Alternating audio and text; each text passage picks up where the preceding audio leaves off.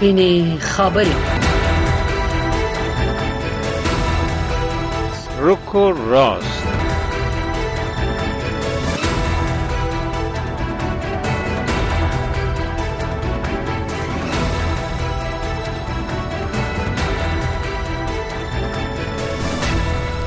د امریکا غاښنا رادیو قدرمنو اوریدونکو السلام علیکم. هیله ده چې ټول روغ جوړ خوشاله اوسئ د روکراسیا سپینې د خبرونه ته بخیر اغلاست زه وحید فیضیم او په دې خبرونه کې له ما سره زما همکار رویا زمانی هم ده. د دوه تړون د لاسلیک څلور کاله پوره شول. خو د دې تړون د پایلو بیا په اصطلاح کوم موارد عملی شوي یا نه دي. په دې موضوع به نن بحث وکړو با تقدیم سلام شنونده ها و بیننده های محترم برنامه رو کراس بله قسمی که همکارم هم گفت با گذشت چهار سال از امضای توافق نامه دوها بین ایالات متحده امریکا و طالبان دو طرف یک دیگر به عملی نکردن برخی موارد ای توافق نامه متهم می کنند ای که کدام موارد نقص شده و یا آیا هر دو طرف به این تفاهم نامه یا توافق نامه پابند بودن یا خیر موضوع برنامه امشب رک راست است که با مهمان های برنامه بحث میشه. اما نخست از که به برنامه بپردازیم آقای بله. فیزین زو خبرونه به واورو در خبر نورو سبا قدرمن ملمنه تاسو ته معرفي کوم السلام علیکم درنو اوریدونکو ستړي مشه په خیر راغلی زه زیبا خادمیم د امریکا غږ آشنا رادیو خبرونه ده. د نړۍ د دې ساعت خبرونو ته تاسو پام را اړوم. د افغانستان د بشري حقوقو لپاره د ملګرو ملتونو خاص راپور ورکونکي ریچارډ بنت ویلي دی چې په دې هواد کې د بشري حقوقو وضعیت ښه شوی نه دی او د طالبانو له لوري د بشري حقوقو سرغړونې ادامه لري. هغه وایي په افغانستان کې د بشري حقوقو وضعیت لا پسې خراب شوی دی د په جنیوا کې د ملګرو ملتونو د بشري حقوقو د شورا 55مې غونډې ته په وینا کې ویلي دي چې دا مهمه ده چې د طالبانو نه هغوی د اقداماتو او پالیسیو په حق له ځواب وغوښتل شي. بل زیاته کړې د طالبان هیڅ مخالف غږ نزغمي او په خپل سر یې د زده کړو او ښځو مدافعان د بشري حقوقو ملاتړ کوونکي ژورنالستان او هنرمندان نیولې دي د طالبانو د حکومت ویاند ذبیح الله مجاهد پرون په خپل ایکس باندې کې لیکلي دي چې په افغانستان کې د بشري حقوقو د موضوع نه ناوړه استفاده کیږي. هغه ویلي دي ریچارډ بنت او نور غربیان دي د بشري حقوقو ریښتینی ملاتړ وکړي. په افغانستان کې د ډېری یخنۍ او ورښتونو لامل د چارواکو په حواله نه کسمړ شوی او لسګونه سروي تباه شوی دي د طبي آفاتو په وخت کې د عاجلو اقداماتو د دولتي وزارت ویان ملا جانان سائق مطبوعاتو ته په ویډیوي پیغام کې ویلي دي چې د پیښو سره د مبارزې د ولایتي مسولانو د ورستیو راپورټونو لمخې د واوري بارانونو او سړې هوا له امله په څو ولایتونو کې نه قسم رشوي دي دوه تنه ټپي شوي دي درې کورونه تخریب شوي او 15 او یا سروي تباه شوي دي. د سالنګورو په شمول د یو شمېر ولایتونو لوی لارې بندې شوې دي او د خلاصولو هڅې روانې دي د طالبانو د سرپرست حکومت ویاند ذبیح الله مجاهد په ایکس باندې کې لیکلي دي چې د حکومت رئیس الوزرا د اړوندو وزارتونو سره په عاجل غونډه کې ځانګړي کمیټې ته دنده سپارلې ده چې ځانمن شو کسانو ته مرسته ورسوي او زر تر زره د لوی لارو د خلاصولو لپاره اقدامات وکړي د طالبانو د هوا پیژندنې د حکومتي ادارې د اټکل لمخې به د جمعې او شنبه په ورځو کې هم د افغانستان په ډیر شو ولایتونو او همداشان سالنګونو کې ډیره زیاته واوره او شرقنده بارانونه وشي. په یونان کې مطبوعاتو راپورټ ورکړی دی هغه سلور افغانان به چې د موریا په نوم د مهاجرو په کمپ کې د اور لګولو په تور په بند محکوم شوی وو د دوشنبه په ورځ بیا استیناف محکمې ته حاضر کړی شي. یوناني مطبوعاتو لیکلي دي چې دغه افغانان په 2020 کال کې په لیسوس کې د موریا کمپ کې د اور لګیدو په پیښه کې د لاس درلودلو لامل په لس لس کاله باندې محکوم شوی دي د موریا په نامه کمپ کې تر حده ډیر زیات مهاجرین میشت وو. لدې کبله د کمپ اوسیدونکو بلوا کړی و او په 2020 کال کې د سپټمبر په اتمه د کورونا د وبا په وخت کې په کمپ کې اور لګیدل وو او ډیر لزر کسان به سرپناه شوي وو. د مهاجرو په دغه کمپ کې د اور د لګیدونه 15 ورځې وروسته یو افغان په دغه پیښه کې په خپل وانډې اعتراف وکړ او همدا شانې د خپل نورو ملګرو نمونه هم افشا کړل. د خیبر پختونخوا په لکه مروت کې نامعلوم وسلوالو د ماشومان د ګوزن یو واکسیناتور او یو پولیس وجل دي د وجل شوی واکسیناتور غنی الله د کورنۍ غړي وایي چې د نوموړي مړی پرون سهار کوړه نږدې موندل دي همداشان د خیبر پښتونخوا په بنو کې د پولیسو په یوې پوسټې د وسوالو په برید کې تر لږه یو پولیس وژل شوی دی دا پیښې په داسې حال کې شوې دي چې په لکی مروت او شاوخوا سیمو کې د فبرवरी په شپږشتمه د ماشومان د ګوزن د واکسیناسیون کمپاین پیل شوی دی او د مارچ اوله ورستۍ ورځ ده. پاکستان او افغانستان په نړۍ کې یوازینی دوه هیوادونه دي چې لا هم پکې د ماشومان د ګوزن ناروغي محو شوی نه ده. د پاکستان پارلمان د مارچ په اوله د پخوانی صدر اعظم عمران خان د ملاتړ وکیلانو د مخالفت باوجود خپل رئیس ټاکل دی د سیمې او نړۍ خبرونه د امریکا غږ د واشنگټن د استودیو نه نشریږي. د روسیې جمهور رئیس ولادیمیر پوتین په جګړه کې د پرمختګ او د لویدي سره د روسیې د اړیکو په حق له خپل نظر بیان کړی دی. پوتین ګواښ کړی دی چې کله لویدي اوکرين ته عسكر وسوي نو د سختو عواقبو سره به مخ شي. پوتین د غوینا په داسې حال کې کړی دی چې سکم درې هفتې وروسته په روسیه کې د جمهوریت ریاست انتخابات کیږي او په اسانۍ سره به د انتخابات وګټي ځکه چې رقیب نه لري پوتین یو ځل بیا هم په خپل پخوانی خبرې ټینګار کړی دی او ویلي دی چې د روسیې د ملي حاکمیت د دفاع په خاطر په اوکرين باندې يرغل ته اړتیا و خاغلی پوتین په دې وینا کې چې د روسیې پارلمان یا دوما دواړو جرګو غړو ته وینا کوله په لویدي ستور پورې کړی دی چې روسیا د وسلو په سیالۍ کې ښکیلوي او هڅه کوي چې دا هیواد په ګوندو کې د امریکا د متحده ایالاتو د اساسو د جرګې او د سنا د جرګې یعنی کانګرس د پنځشنبه په ورځ د فبرवरी په 9مه یو بل لنمحاله لایحه تصویب کړه. د دې تصویب لمخې د فدرال حکومت د زنو ادارو فعالیتونه د مارچ تر 8مه او د زنو نورو د مارچ تر 22مه پورې ادامه لري.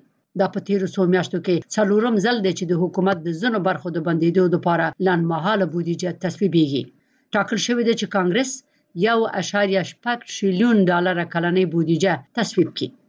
او په اتریش کې یو خزه له دې کبله په شل کال زندان محکومه شوې ده چې خپل زوی د سپي په یو کوچني قفس کې قید او شکنجه کړی دی. زیبا خادم امریکا غږ واشنگتن. متضاد اړخونه بیلابیل دریزونه د سپیناوي تود مخامخ بحث او په اخر کې قضاوت ستاسو پر مهمو سیاسي امنيتي اقتصادي او ټولنيزو مسايلو د افغانستان سیمه او نړۍ باندې د جوړ چیرنیز بحث مهمه ونیزه خبرونه هایل. د هرې جمعې په ورځ د افغانستان په وخت د ماخام ونیمونه تر اته بجو پورې. د امریکا غږ د سټلایټ للاري په ژوندۍ بانه هایل. د امریکا غږ د روانو چارو نوي ټلویزیونی خبرونه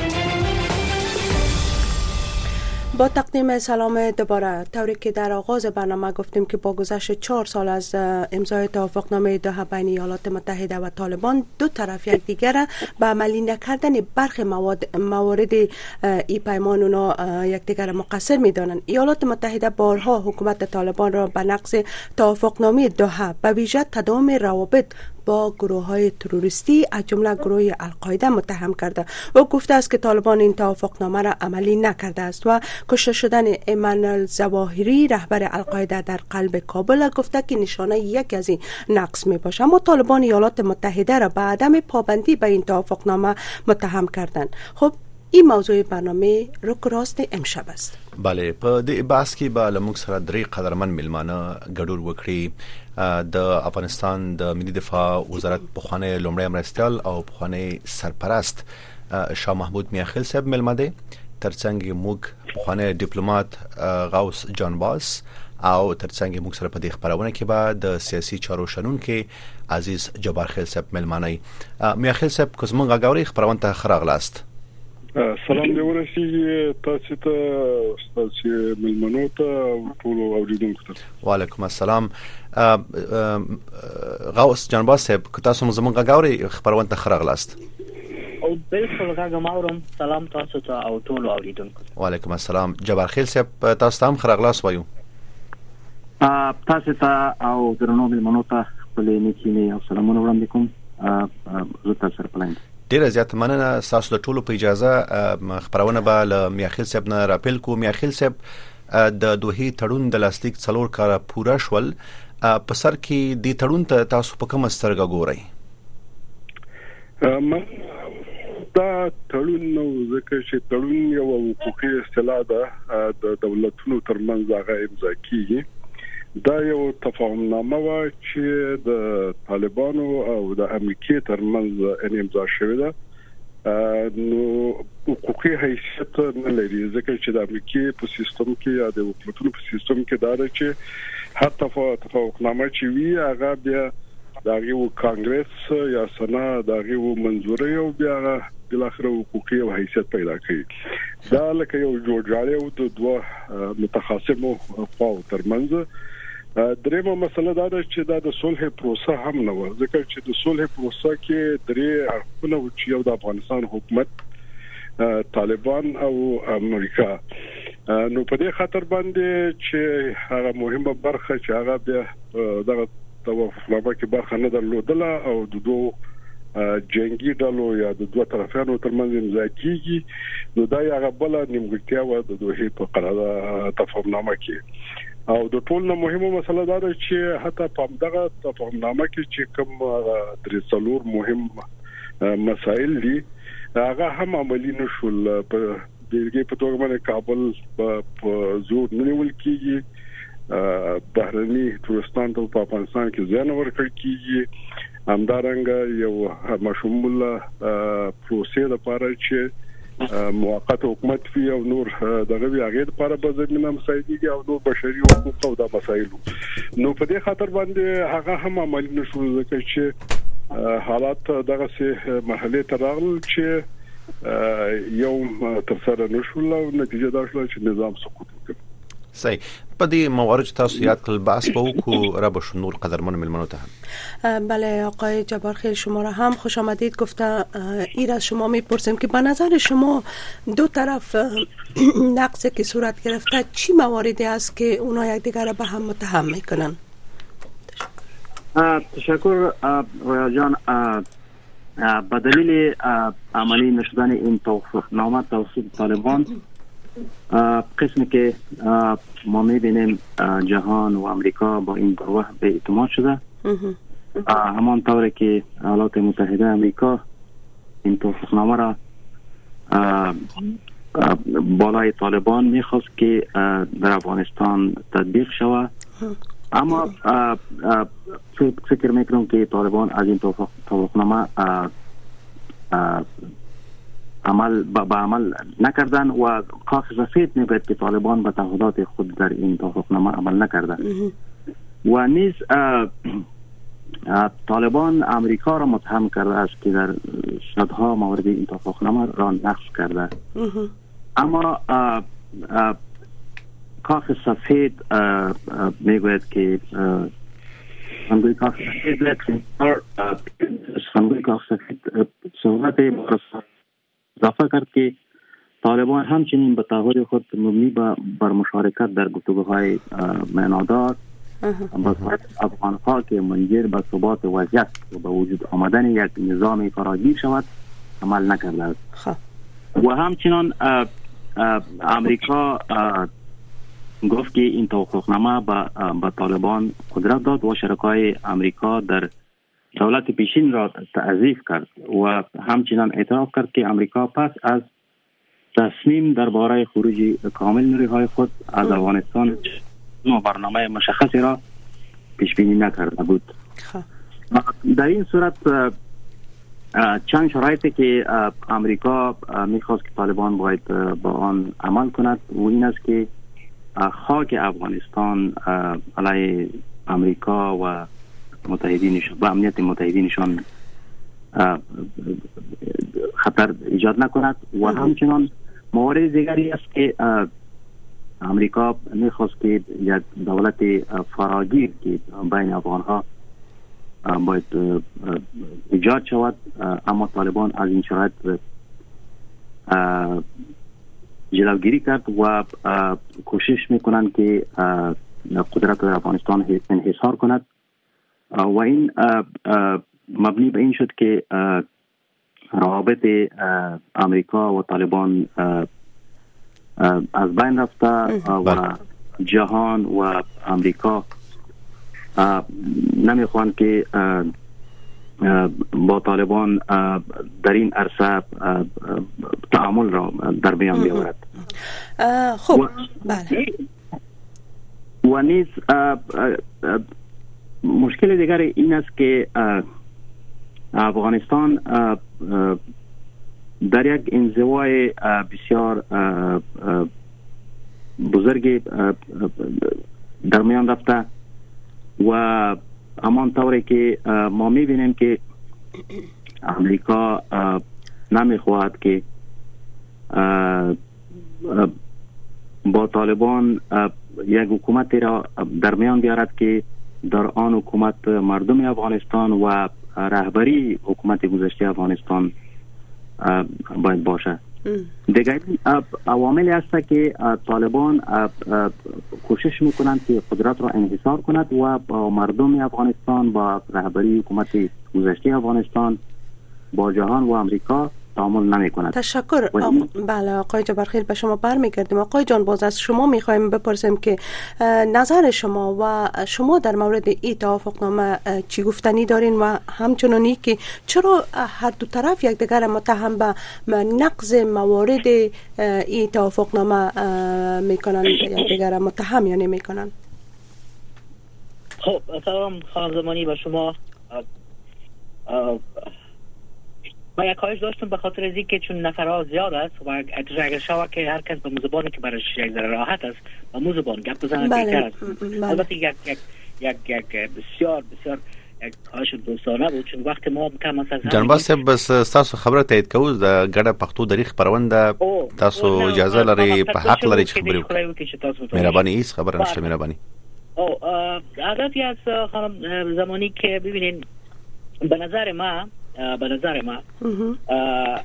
آنچه که بین ایالات متحده امریکا و گروه طالبا به امضا رسید این یک قرارداد تاتیک بین الحکومتی نبود لیکن یک قرارداد بود.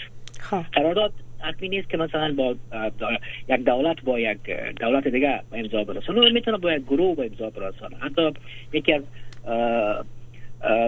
خصوصیت های قرارداد دوها هم بود. وزیر به ملل متحد هم در دیپوی از وام را سپردن اونجا هم نگهداری میشه یعنی دیگه سلسله تناقضات هست مثلا میگم به حیث یک شاگرد حقوق بین دول. دیگه ای که ببینین وقتی که ما میگیم قرارداد بله. قرارداد چی است؟ بله. قرارداد یک یک سند است که در اوجا اراده دو طرف منعکس میشه مبنی به تطبیق و دستاورد و یک موضوع سر یک موضوع درست؟ در, در قرارداد مثلا مکلفت ها و حقوق طرفین تسجیل میشه. مکانیزم انتباق از او تسجیل میشه. بله. نتایج نهایی دو تسجیل میشه. و بالاخره ختم میاد قرارداد است. این یک قرارداد است که بسیار گپا را در بین خود داره در بین خود بسیار گپای متضاد هم داره. لیکن یک چیز اساسی که قرارداد نداره خانم زمانی اویی است که ما مکانیزم انتباقی زیر نمی‌بینیم خب. یعنی هر قرارداد که بین طرف ها اجرایی میشه در پالوی از او یک سند دیگه هم امضا میشه که چی گونه طرفین مثلا اینمی قرارداد عملی می‌کنن مکانیزم انتباق یا تطبیق چگونه است و خب. در صورت عدول از مکلفت ها مثلا کدام پیامدها را این قرارداد می‌تونن در بر داشته ما این یک چیز رو نداریم در قرارداد خب. و دیگه ای که هدف اساسی و ایره همین مقامات ایالات متحده امریکا بار بار تاکید کردن که هدف اساسی خو این های سیاسی خو ما از خلیلزاد از از سایر مقامات ایالات متحده امریکا و به شمول طالبا بارها میشنیم که یا استناد می‌کنن نقل قول می‌کنن از بله. درجات قرارداد دوها و امریکایی می‌کنن. اما اصل هدف در این قرارداد اینمی خروج امن و مسئولانه قوای ایالات متحده امریکا از افغانستان بود. ای که گفته میشه در اوج بعض پروتکل ها پنهان وجود داره به نظر من هیچ کدام پروتکل پنهان وجود نداره به خاطر اینکه هر چیزی که پنهان باشه یک روز باز مخصوصا او اگر پروتکل تحریر شده باشه خب امروز یا فردا او آفتابی بشه. یک چیزی وجود نداره. یک سلسله تفاهمات شفاهی بین طرفین وجود داره. که مبنی به خط و سیر حرکت مثلا قوای امریکا است. تسلیمی یک تعداد تسلیحات است و کشورهای سوم این تفاهمات شفا و غیره مسائل که خب نوش آقای جان با شما این رد می‌کنین که برق نکات که همواره از او انتقاد صورت می‌گیره که علنی نشده. پس شما میگین که همه موضوعات یعنی نکات یا موارد مخفی در این تفاهم نامه وجود نداره. به نظر ما وجود نداره. بعض بعض تفاهمات شفاهی که او در کاغذ نوشته نشده وجود داره بین خب. طرفین که باز مثلا امریکایا گفته که باز ما شما را مثلا در جریان چند ماه به رسمیت می‌شناسیم درست؟ بهتر گفتن و طالبا گفتن که ما حتما باز مثلا تا این قدر وقت حکومت همه شمول می‌سازیم.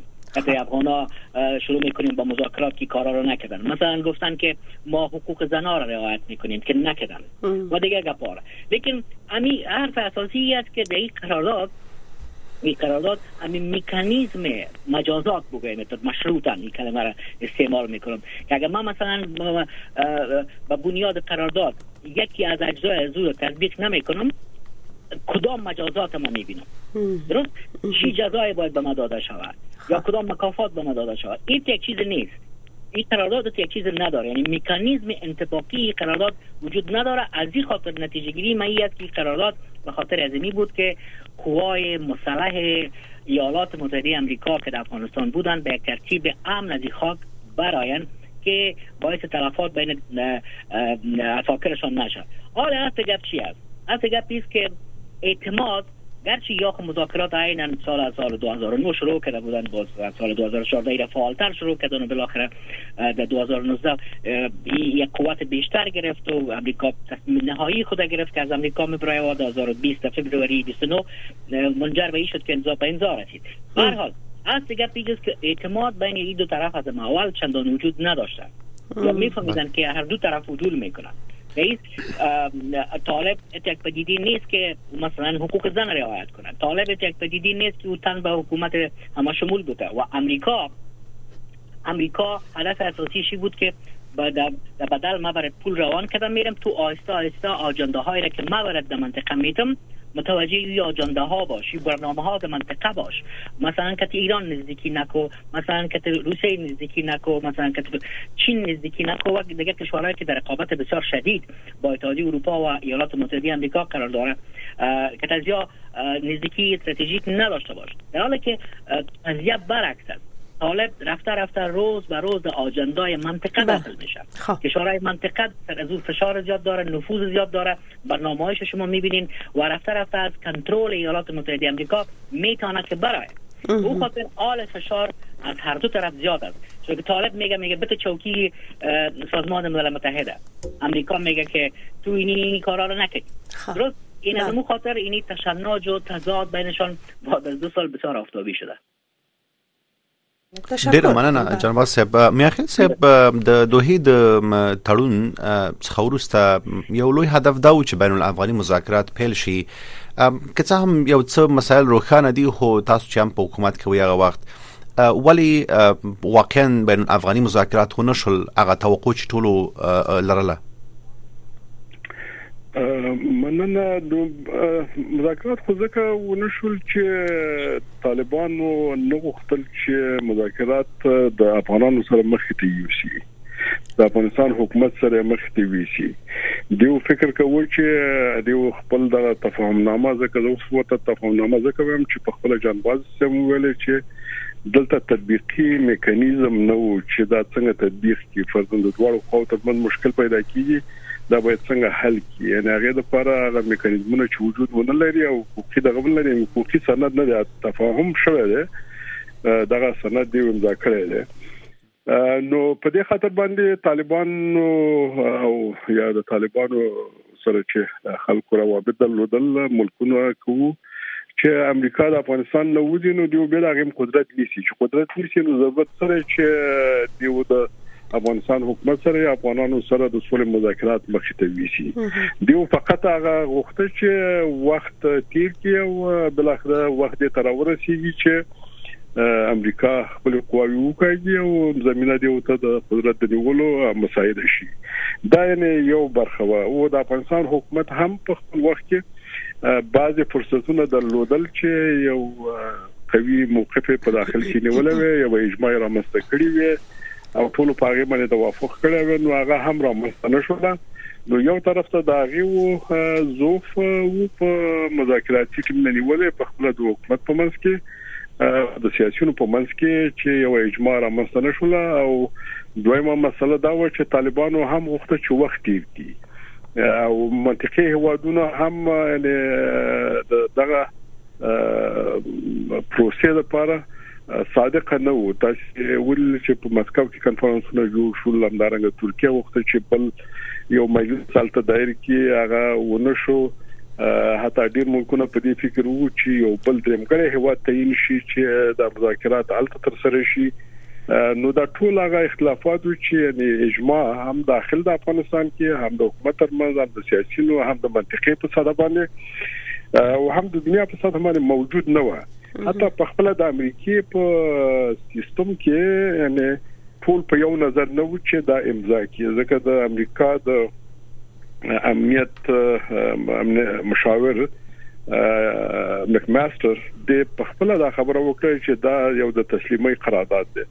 همدارنګه دلته وزارت دفاع د دې سیاسي برخه ته په خپل وزارت خارجه د امریکای د سره توافق نه درلود. اما د رئیس جمهور تصمیم چې ویني وو او د چوزي د خپل قواو د وټلو لپاره نو په دوه تفاهمنامه لکه څنګه چې جنیوا قرارداد امضا شو چې هغه د شوروي اتحاد د وټلو لپاره او د امریکایي قواو د وټلو لپاره یو تفاهمنامه او نتیجه هم دا ده چې د افغانستان مشکل یې حل کړي. ځکه چې افغانستان کې یو مشروع قانونمن حکومت رامنځته نشو بې ثباتی شته په افغانستان کې فقر شته چا په رسمیت نه پیژندل ولر څنګه چې جنیوا قرارداد د افغانستان مشکل حل نکړ جنگ دوام پیدا کړ دا غیله همدغه سي د قرارداد هم د افغانانو لپاره په دبلو خبره ده چې منطقه او دنیا چې هر څه کوي افغانانو لپاره دا قرارداد خو خراب و دا موږ لپاره مهم دی. نو موږ لپاره دا قرارداد است په دبلو کړو آقای میاخیل می‌خوایم از شما ما یک سوال بپرسم. این است که خب همواره مردم و بعض چهره های سیاسی آگاهان امور سیاسی تحلیلگرا ایره میگن که در جریان مذاکرات که در 19 18 19 ماه که صورت گرفت آقای خلیلزاد به گونی که اطلاع رسانی می‌کرد به مردم از جریان این مذاکرات اونا اطلاع رسانی نکردن. به نظر شما حتی گفته میشه که اشرف و عبدالله هم گفته بودن که اونا در جریان نیستن. شما چی فکر می‌کنین که چرا به قسم درستش اطلاع رسانی در زمان یا در جریان مذاکرات صورت نگرفت؟ اطلاع رسانی خو شو اما په سم توګه نو شو یعنی همین سوال همین جز آقای میاخال که چرا بگونی درستش نشد خو مشکل هم دغه ته و چې د سولې د خبرو لپاره همیشه یو میانجی پکار ها زه په خپل د یو د سولې د شاګرد په صفت باندې چې د سولې انسټیټیوټ کې کار کړی دی هر سولې چې دا یو پروسه ده نو د پروسې لپاره اول یو با اعتبار منځګړی په کار وی چې هغه طرفانو ته خپل message ونه پیغامونه توافقات اختلافات دا ټول په صحیح توګه باندې ورسي خلیلزاد په خپل میانجینو دا طرف د قضیه نو طرف د قضیه همیشه غوښتل چې هغه سي پیغام ورکړي چې د لپاره ګټول هغه سي پیغام ورکړي چې دا یو لاسراوړنه ولري چې یو قرارداد امضا کړي چې امریکا قواوي ولې د افغانستان. نو په دې خاطر باندې دلته هغه سوء تفاهم چې موجود و امدا و چې د خلیلزاد پیغامونه د منځګړي پیغامونه نه او دویمه مسله دا ده چې دغه پیغامونه هم اختلاف درلوده. طالبان ته یو رقم پیغام ورکوه د افغانستان حکومت بل رقم ورکوه سیاسيون ته بل رقم پیغام ورکوه.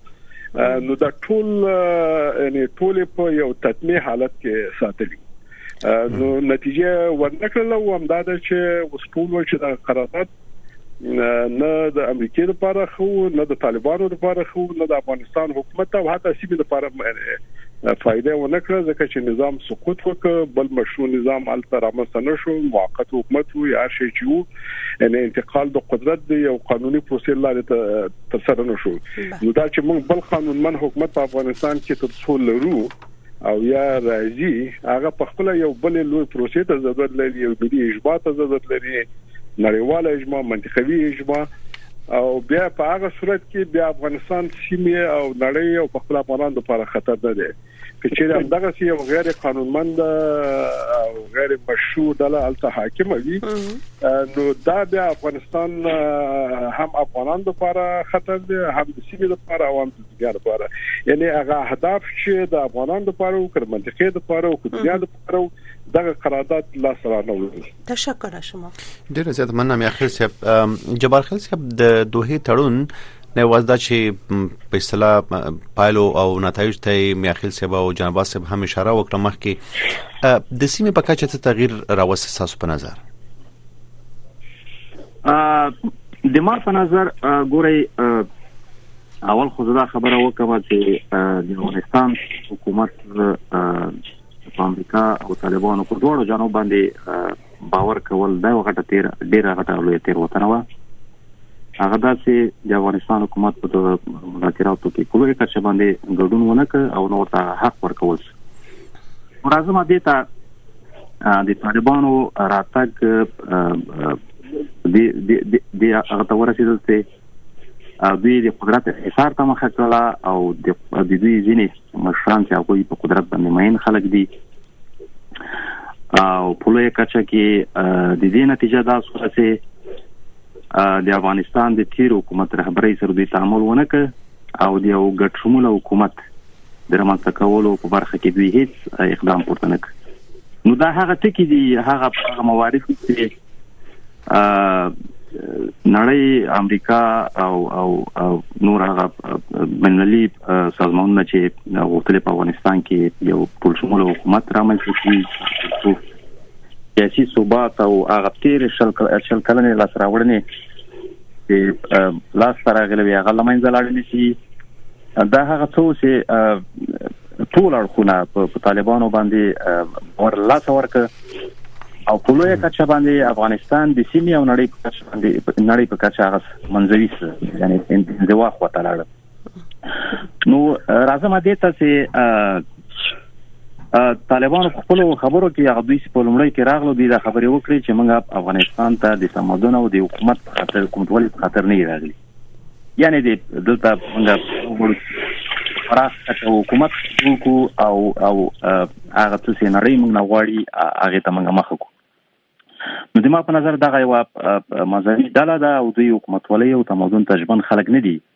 بل خبره دا ده چې موږ تاسو ګورو چې د دې راتګ نو ورسته د القاعده مشر ظاهري کابل کې وزل کیږي او ټول نړۍ په دغه باندې خبرېږي. نو دا هغه څه دي چې طالبانو د دغه تفاهم نامې یا تړون هغه شرایط چې باید عملي کړی وای عملي نه کړل او په لاسه افغانستان د سیمې او نړۍ په کچه باندې منځوي کې او د انزوا خواته او او د دې ضرر څه ده؟ یعنی د دې ضرر د افغانستان خلکو ته رسیږي. افغانستان خلک لدینه متضرر شو.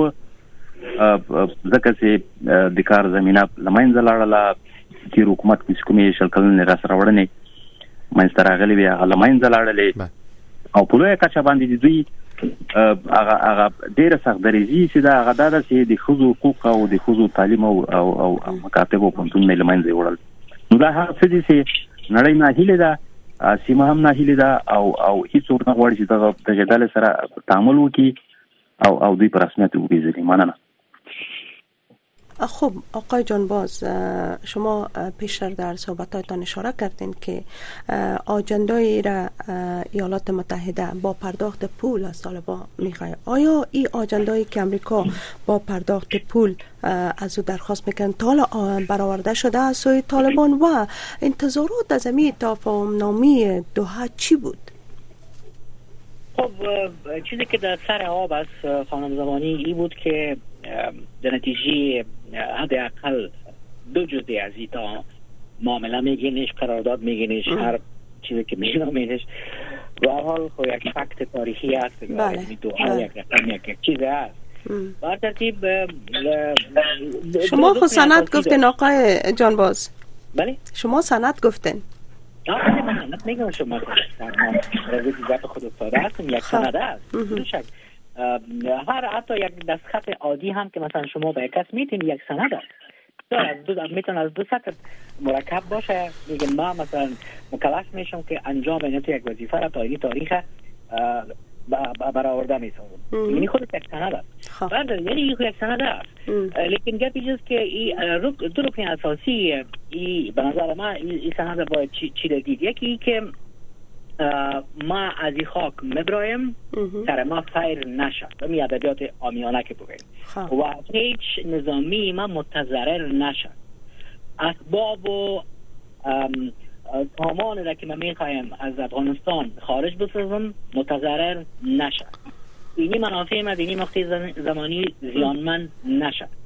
دوم ما برای هفتوار که بوجی پیسر روان می‌کنم. که تو شکار اهداف منطقه نشی زیر تاثیر ایران نری. و زیر تاثیر چین و کشورها نشوی. درست؟ لیکن وقتی که امریکایی ها پای پاک از اینجا رفتن و در نتیجه نمی معامله یک چیز دیگه که رخ داد که و ثابت شد که حکومتی که در افغانستان وجود داشت پایه های بسیار لرزان بود. غرق مافیا بود غرق کرپشن یا فساد اداری و دیگه گپا بود. اتحاد نظر به این حکومت اصلا دیده نمی‌شد. این حکومت با دو حسی بسیار نامتجانس که اهداف بسیار بسیار متضاد و با ضد یکی دیگر عملی می ساختن این حکومت برو باشید و یک داد از می رئیس ما دولت ما کشور ترک کردن متاسفانه. و در نتیجه از او ما شما دیدیم که همونطور مثل همو پرنسپ دمینا یک ولایت پشت دیگه ولایت سکوت کرد اردوی ما خدا نخواسته اردوی بسیار قهرمان داشتیم لیکن ما دیدیم که همه چیز با یک گسست عجیب و غریب مواجه شد و فرو پاشید. نظام فرو پاشید اردو پلیس استخبارات همش همش فرو پاشید و دینمی بهبوه دینمی حالت آمد آقای طالب سر کار و این راستی که احساس کرد که دیگه شما می ادبیات از یاره ببینین یا اینقدر جاهل هستن که میگن ما افغانستان فتح کردیم. بعد از فتح. یعنی اینقدر احمق باید باشی که تو نفهمی که چطور می‌تونی تو کشور خود فتح کنی. خاکت است. تو برو پاکستان فتح کن. تو برو نی؟ تو برو طرف پاکستان یک سنگچل بناز که سر سر تبله می‌زنن یعنی اما تو میای میگی که کشور خود فتح کردیم به حال یا آمدن بینیمی غرور و تکبر و نفرتی که داشتن از هر چیزی که دولت داری نامیده میشه طالبانیزم سر افغانستان حاکم کردن. اونمو طالبانیزم روستایی روایت روستایی بسان منحده و او رو می‌خواین حال از یک, یک چیز به نام امارت بسازن. و نتیجه نمو گفتم توافقات شفاهی که با امریکا داشت امریکا گفته بود که من برای یک مدت نامعلومه بوجیگه کار هر هفته روان می‌کنم. تا تو بیهی از کار نفتی و کسای دیگه سر تو بازی های دیگر منطبق نسازه. لیکن لیکن بازی تغییر کرد خانم زمانی. بازی تغییر کرد. کشورهای منطقه کشورهای مقتدر شدن. چین آلی و چین ده سال پیش نیست. ایران تبا دیگه تبا صاحب, صاحب اسلحه اتمی میشه. فدراسیون روسیه آسیای مرکزی این کشورهای مدار منافع استراتژیکش است و به هیچ صورت نمی‌گذاره که مثلا این منطقه از کنترلش برای دکترین خارجی شما ببینید این مستجل ساخته که این منطقه منطقه منافع ملی ما است. خب. و افغانستان ما می‌خوایم کشور بیطرف ببینم و ناتو ایالات متحده امریکا که 20 سال البته ما نقل قول می‌کنم. اینجا بودن یا افغانستان خراب ساختن تقریب کردن به منافعش ضرر رساندن یا فقط و فقط باید که جبران خساره کنن و در پروسه سیاسی زی داخل نباشن. این آجندای کشورهای منطقه است حالم زمانی. و کشورهای منطقه از اینمی برمی آیند به فرمول عمل می‌کنن. آل طالب آمده دینمی تو یک آتش خود انداخته. که اون منطقه است و فرا منطقه. است درست؟ اینا از این کسی می‌بره با این عقل خامش با این ملایزمش خب برآمده نمی‌تونه خب. اونموز که از هر طرف سر فشار است. حقوق زن مراعات نمی‌کنی. حکومت ملی ایجاد نمی‌کنی. معظمی کلمه همه شمول خوشم نمیاد حکومت مسئول ایجاد نمی‌کنی. خب منطقه هم برش میگه که این افزایش چرا؟ آقای آقای جان باز شمول شما نمی‌خواین در حالی که همگی تاکید بر یک حکومت فراگیر و همه شمول در افغانستان هستن. ببینین ما می‌خوایم میره توضیح بزنم شما. ما از دل و جان طرفدار یک حکومت متنوع در افغانستان هستم. لیکن من نمی‌خوایم که مثل سابق ور شرکت سهامی در افغانستان با وجود ده که هر کسی با از سهام خود بیاره از قبیله خود بیاره از حزب خود بیاره حتی از قریه خود بیاره. شما یک معاون دوم ریاست جمهوری داشتین که فقط و فقط از ولسوالی و ولایت خود کلگی رسانده بود دفترش. اقسم خود نمیشه که دیگه بگیم همه شمول. همه شمول یعنی مسئول. بگذار تمام وزرا به نظر من تمام وزرای افغانستان از برادران هندو باور ما باشه سکه ما باشه بله. مگم ظرفیت ها دیده میشه آقای جان باز خب بس. لیکن کسی باشه که در حکومت مسلکی باشه. ظرفیت کار داشته باشه. دستش در فساد و در دزدی و در مسائلی که به ضد منافع افغانستان از دوزی داخل نباشه. و یک برنامه بله. واحد باید در حکومت یک برنامه واحد باید وجود داشته باشه. اگر ما حکومت ائتلافی را ایجاد می‌کنیم در آینده زمانی که هم, هم یک, یک قسمتش مارای هم همو شمول هم می‌تونه داشته باشه. حکومت می‌تونه ائتلافی باشه لیکن برنامه باید یکی باشه. دیر من برنامه من متفاوت از برنامه وزیر پلانم باشه. خو امکان نداره. ډیر زیات مننه جناب صاحب کو تاسو خبره می قطع کړم او سی بخنه غواړو. میاخیل صاحب جناب صاحب خپل خبرو کې ویل چې ولایتونه یو بل په سقوط کوي. تاسو دفاع وزارت کې وی دا خبره تاییدوي چې اردو په اصطلاح کمزوري و او کدا چې کمبل دلیل درلود. اول خو په دغه سقوط وخت کې خو زه په افغانستان کې نو وظیفه کې ما کار نه کوم ځکه چې شپږ میاشتې مخکې ما وظیفه پر غوسه و او پرونه ما یو مقاله لیکلې و چې د افغانستان سقوط د پاوز د زوف په اساس باندې نو بلکې هغه د رهبرۍ د تغیراتو په اساس باندې چې د مورال د پوزي ضعیفه کوي او واضحه تګلارې د پوز لپاره نه و چې دیو جنگ وکړي. ځکه هغه وخت دغه اوازه خبره شوله دیو د مختلف دغهونه چې د دوه تفاهمنامې په اساس باندې نیمایي ولایتونه طالبان ته پریږدي اما دا تشریح نشو هغه وخت چې دا خبره صحیح ده یا نه ده.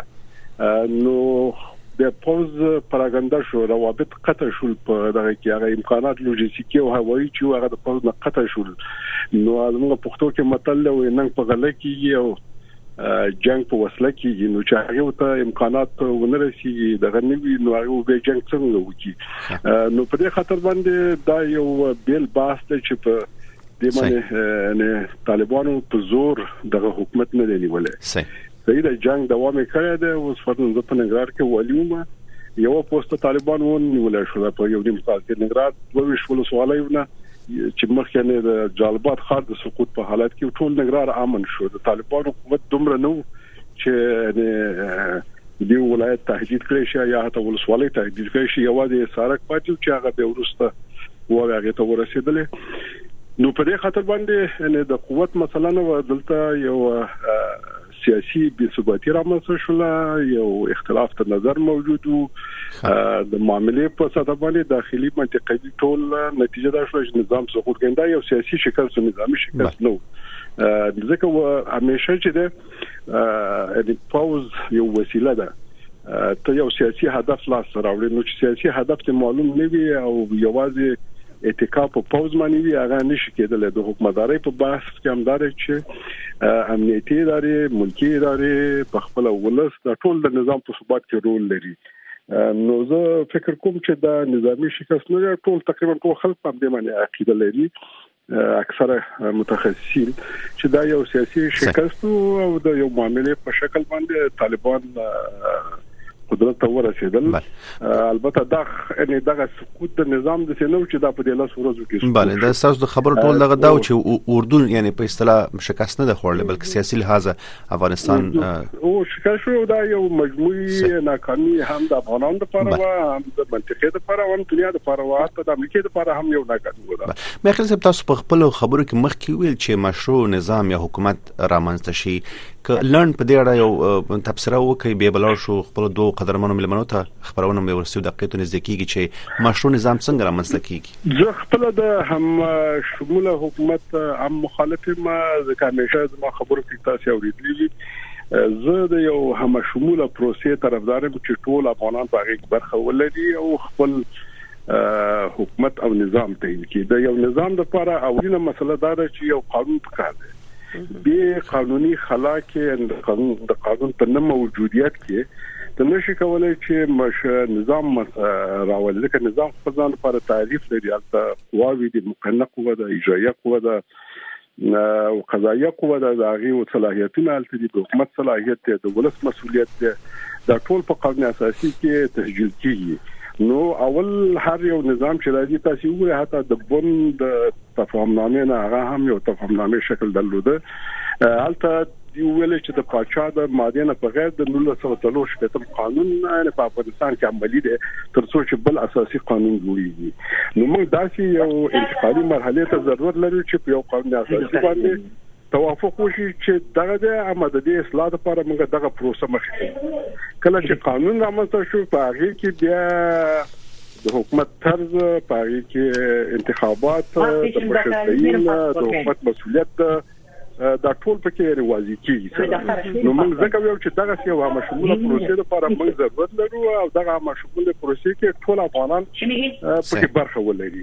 نو په هغه صورت کې موږ کولای شو چې یو بساطه مشروع قانونمن حکومت وی چې هغه سهامي شرکت نه وي هغه په خپل کار اهل کار ولته سپارل کیږي او بل اخره د ملک د ثبات لپاره د ملک د حکومت ولې لپاره د پرمختګ لپاره د خپل پلانونه وضع کوي نو په دې خاطر باندې اساس چې یو قانون اساسي دی. چې په هغه توافق ونشي او هغه موجود نه وي نو په خلا کې نظام نه جوړیږي. په خلا کې هم شموله پروسه نه جوړیږي. د دا نور چې هر څه کې هغه معاملې دي او معاملې نتیجه نه ورکړي افغانانو لپاره. ډیر ازیات مننه جبار خل صاحب تاسو راځو کې ولن جواب تاسو نه ولرو چې څومره راتلونکي تاسو هیلمان یاست چې افغانستان دغه وسري وضعیت نه وتلی شي. سوال مانو جبر خان صاحب بلکې تاسو نه مختنه وکړه خبره دا ده چې لکه څنګه چې دلته ملمنو قدرمنو ملمنو مازه ټکو ته اشاره وکړه. هغه دا دي چې کچیرته طالبان د دوه تړون یا تفاهمنامه وړي په افغانستان کې عملي سي نو په لومړي قدم کې باید بین الافغاني خبرې پیل شي مذاکره پیل شي ترڅو یو ګډ شموله حکومت ته لار پرانیستل شي او دا هغه څه دي چې نړیواله ټولنه او امریکا یې وایي په افغانستان کې. نو خبره دا ده چې طالبان باید د قدرت له انحصار نه لاس واخلي او پریدي چې د افغانستان خلک فیصله وکړي د افغانستان د خلک باید رائے ورکړي چې کوم شکل باندې بدل ته حکومت جوړ شي. ډېر مننه. کچیرته همدغه چې قدرت انصار ته لکه لکه پتیرو څو لسیزو کې نور ډلو د قدرت انصار ته ادامه ورکړي او طالبان هم ادامه ورکړي زه فکر نکوم چې افغانستان ثبات ته ورسیږي. افغانستان به همداسې لکه څه د سیمې او د نړۍ په کچه منځوي ده منځوي پاتې شي او د هغه څه دي چې د افغانستان د سیاسي جغرافیه ته له سوال لاندې راځي نو دوی ته د منګ وړاندیز دا چې د قدرت انحصار نه لاس واخلي او په لوی کچه باندې د افغانستان ملي ګټه کار وشي. او دا هغه څه چې د افغانستان خلک هم غواړي او او نړیوال ټول نه مغوړي مننه آقای جان باز یک نیم دقیقه وقت داریم چگونه میشه که دو طرف بنوی از آنها به تطبیق کامل موارد این تف...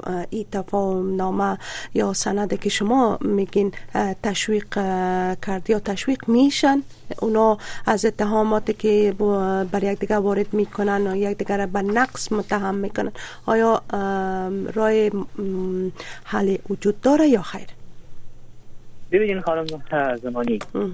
نظر ما نظر یک شاگرد حقوق. این تفاهم نامه میگیرش توافق نامه میگیرش قرارداد می‌گیره تر سند میگیرش این خط این امون نقش خود بازی کرد. اگر ما از این سند انتظارات دیگه داشته باشیم که این اتخاذ شد و باز پرتو از این طرف این اجراعات خواهد کرد و اون طرف او اجراعات خواهد کرد. به نظر من با احترام به همه فقط دیدگاه خود میگم این ساده لوحانه است. این قرارداد میادش همون مندرجاتش همش ختم. به نظر من حالا که ما میگیم که طالب در افغانستان یک واقعیت است که البته حقیقت نیست. واقعیت است یه نمی واقعی شده. یعنی نمی طالب در افغانستان حاکم است. با با با با, با تمام دردی رو میگم. و امریکا موجود داره و من حیث یک یک قدرت دنیا این هم یک واقعیت است. درست؟ بشنن یعنی دو طرف از طرف یک بازنگری بکنن از طرف یک سند دیگه به امضا برسد که او در او مخصوصا همین میکانیزم انتباقی از وجود داشته باشه که اگر یک طرف عدول می‌کنه از مندرجات و مکلفیت های خود او به کدام مجازات مواجه میشه؟ در پرتو قوانین بین المللی به غیر از او این قرارداد حتم است این نتیجه نمیتد طرفین حال منافع بسیار بسیار متضاد شده در منطقه در فرا و یک قرارداد دیگه عملی نیست یک جهان تشکر آقای جان باز. د ملي دفاع وزارت پخوانی لومړی مرستيال او سرپرست شاه محمود میاخیل صاحب د سیاسي چارو شنونکي عزیز جبار خیل صاحب او پخوانی ډیپلوماټ هغه او جنبا صاحب تاسو نه ډیره زیات مننه چې په دې باس کې لموږ سره مو ګډون وکړ.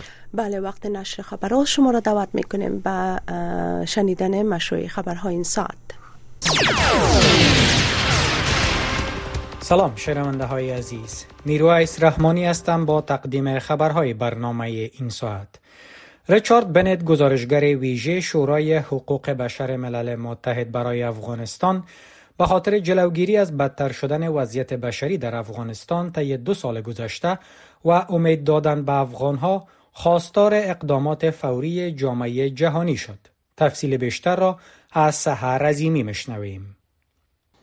ریچارد بنت هنگام ارائه گزارش خود از وضعیت حقوق بشر در افغانستان در 55 مین نشست شورای حقوق بشر سازمان ملل متحد در ژنو گفت که عملکرد طالبان زنان و دختران را از زندگی عادی به حاشیه رانده است. این مقام ملل متحد افزود که در افغانستان زیر حاکمیت طالبان مخالفت های مسالمت آمیز تحمل نمی شود و به گفته وی خشونت و تهدید و خشونت برای کنترل مردم و گسترش حراس توأم با فرهنگ معافیت از مجازات به کار برده می شود. گزارشگر ویژه شورای حقوق بشر ملل متحد همچنان گفت که این اقدامات در کنار بحران اقتصادی و انسانی باعث نفع حقوق اقتصادی اجتماعی و فرهنگی مردم افغانستان شده است به گفته بنت اعدام ها در محضر عام و استفاده از مجازات های بدنی توسط طالبان و گزارش های موثق از قتل های غیرقانونی ناپدید شدن و شکنجه مخالفان طالبان وجود دارد. او تایید کرد که سایر اقلیت ها مانند هزاره ها با تبعیض و به حاشیه رانده شدن از جامعه روبروند. زبیح الله مجاهد سخنگوی حکومت طالبان گزارش ریچارد بنت را پروپاگاندا علیه حکومت طالبان خوانده و در واکنش به این گزارش گفته که مردان و زنان افغان در مقایسه با گذشته مسئولیت فیزیکی، مالی و روانی دارند. رئیس کمیته روابط خارجی مجلس نمایندگان امریکا انتونی بلنکن وزیر خارجه این کشور را به دلیل عدم سپردن اسناد مربوط به خروج نظامیان امریکایی از افغانستان به متهم ساختن سرپیچی از دستور کانگرس تهدید کرد.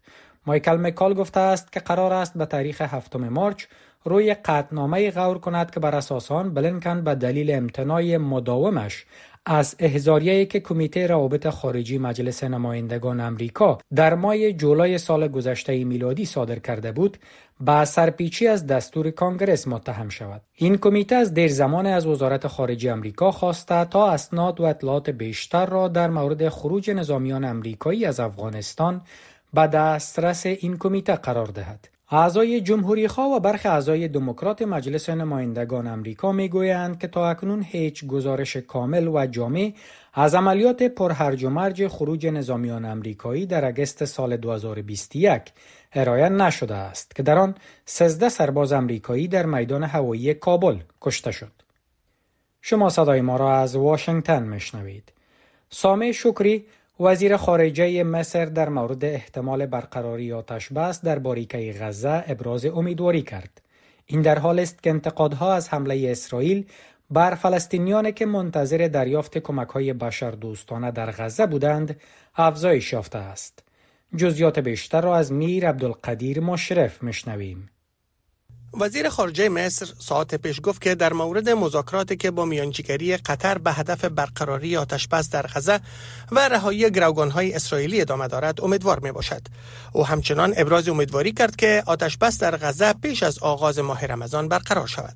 در همین حال برزیل در واکنش تند به کشته شدن بیش از 100 فلسطینی که منتظر دریافت کمک های بشردوستانه در غزه بودند گفت که این اقدام اسرائیل نشان داد که حملات اسرائیل در غزه هیچ مرز اخلاقی و حقوقی ندارد آفریقای جنوبی نیز با انتقاد تند از این رویداد گفته است که این اقدام اسرائیل نقض حکم ابتدایی محکمه بین‌المللی عدالت به منظور حفاظت از غیر نظامیان فلسطینی است.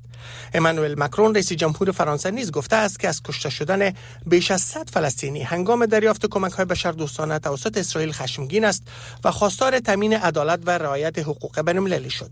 مقام ها در غزه گفتند که نیروهای اسرائیلی صبح روز پنجشنبه بر روی فلسطینیان آتش گشودند که در شهر غزه منتظر دریافت کمک های بشردوستانه بودند. اسرائیل گفته است که نظامیان این کشور به دفاع از خود بر روی این فلسطینیان فیر کردند. این اقدام اسرائیل سبب شده تا برخی کشورها خواستار تحقیقات ملل متحد در مورد این رویداد شوند. وزارت صحت غزه که در کنترل حماس است امروز گفت که شمار کشته شدگان فلسطینی از آغاز حملات نظامی اسرائیل بر غزه به حداقل 3228 نفر رسیده و شمار زخمیان به بیش از 71300 نفر افزایش یافته است. ایران امروز انتخابات پارلمانی برگزار کرد. این انتخابات در حال برگزار می شود که بسیاری ایرانی ها از مشکلات اقتصادی و افزایش محدودیت های سیاسی و اجتماعی شکایت دارند. آیت الله علی خامنه ای رهبر ایران رأی دادن در انتخابات پارلمانی این کشور را یک وظیفه دینی خواند و خواستار مشارکت مردم در رأی دهی شد. این نخستین بار پس از اعتراضات گسترده در ایران در سالهای 2022 و 2023 در اعتراض به کشته شدن محسا امینی است که مردم ایران به پای صندوقهای رأی می روند. این اعتراضات با شدت توسط حکومت ایران سرکوب شد و ناظران می‌گویند که انتخابات امروز در ایران نخستین نظرسنجی عمومی پس از این اعتراضات در مورد میزان رضایت مردم از حکومت ایران است. شماری از اعضای مجلس نمایندگان امریکا از جو بایدن رئیس جمهور این کشور خواستند تا حکومت جدید پاکستان را به رسمیت نشناسد.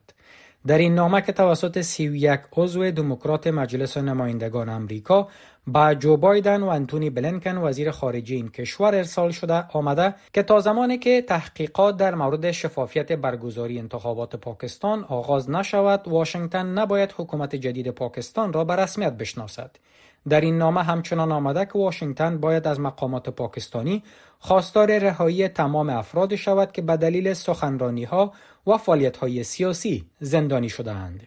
اعضای کانگرس امریکا همچنان گفتند که بایدن و بلنکن باید به مقام های پاکستانی تسریع کنند تا زمانی که اقدامات مربوطه را انجام ندهند همکاری های نظامی و اقتصادی امریکا با پاکستان به حالت تعلیق خواهد آمد. انتخابات پارلمانی پاکستان در 8 ماه فبروری برگزار شد. حزب تحریک انصاف پاکستان به رهبری امران خان ادعا دارد که این انتخابات مملو از تقلب به هدف جلوگیری از پیروزی این حزب در انتخابات بود. اتهامی که کمیسیون مستقل انتخابات پاکستان آن را رد کرده است. ولادیمیر پوتین رئیس جمهور روسیه در مورد دخالت بیشتر کشورهای غربی در جنگ اوکراین هشدار داد و گفت که همچو اقدامات توسط غرب احتمال وقوع جنگ ای را در قبال دارد. آقای پوتین ظاهرا در واکنش به اظهارات اخیر امانوئل مکرون رئیس جمهور فرانسه که احتمال ارسال سربازان کشورهای غربی به اوکراین را رد نکرد گفت که در صورت استقرار نظامیان غربی در اوکراین کشورهایی که به اوکراین سرباز ارسال کنند با پیامدهای فاجعه بار روبرو خواهند شد. رئیس جمهور روسیه بار دیگر تاکید کرد که مسکو به اهدافش در اوکراین دست خواهد یافت و افزود که قوای هسته روسیه در آمادگی کامل قرار دارد. پایان خبرها. شنونده های محترم این بود برنامه روک راست امشب. رادیو آشنا صدا امریکا که تقدیم شما شد. برنامه های رادیو آشنا همچنان ادامه دارد. با ما باشید. تاسو له ملتیا ډیره زیات مننه تر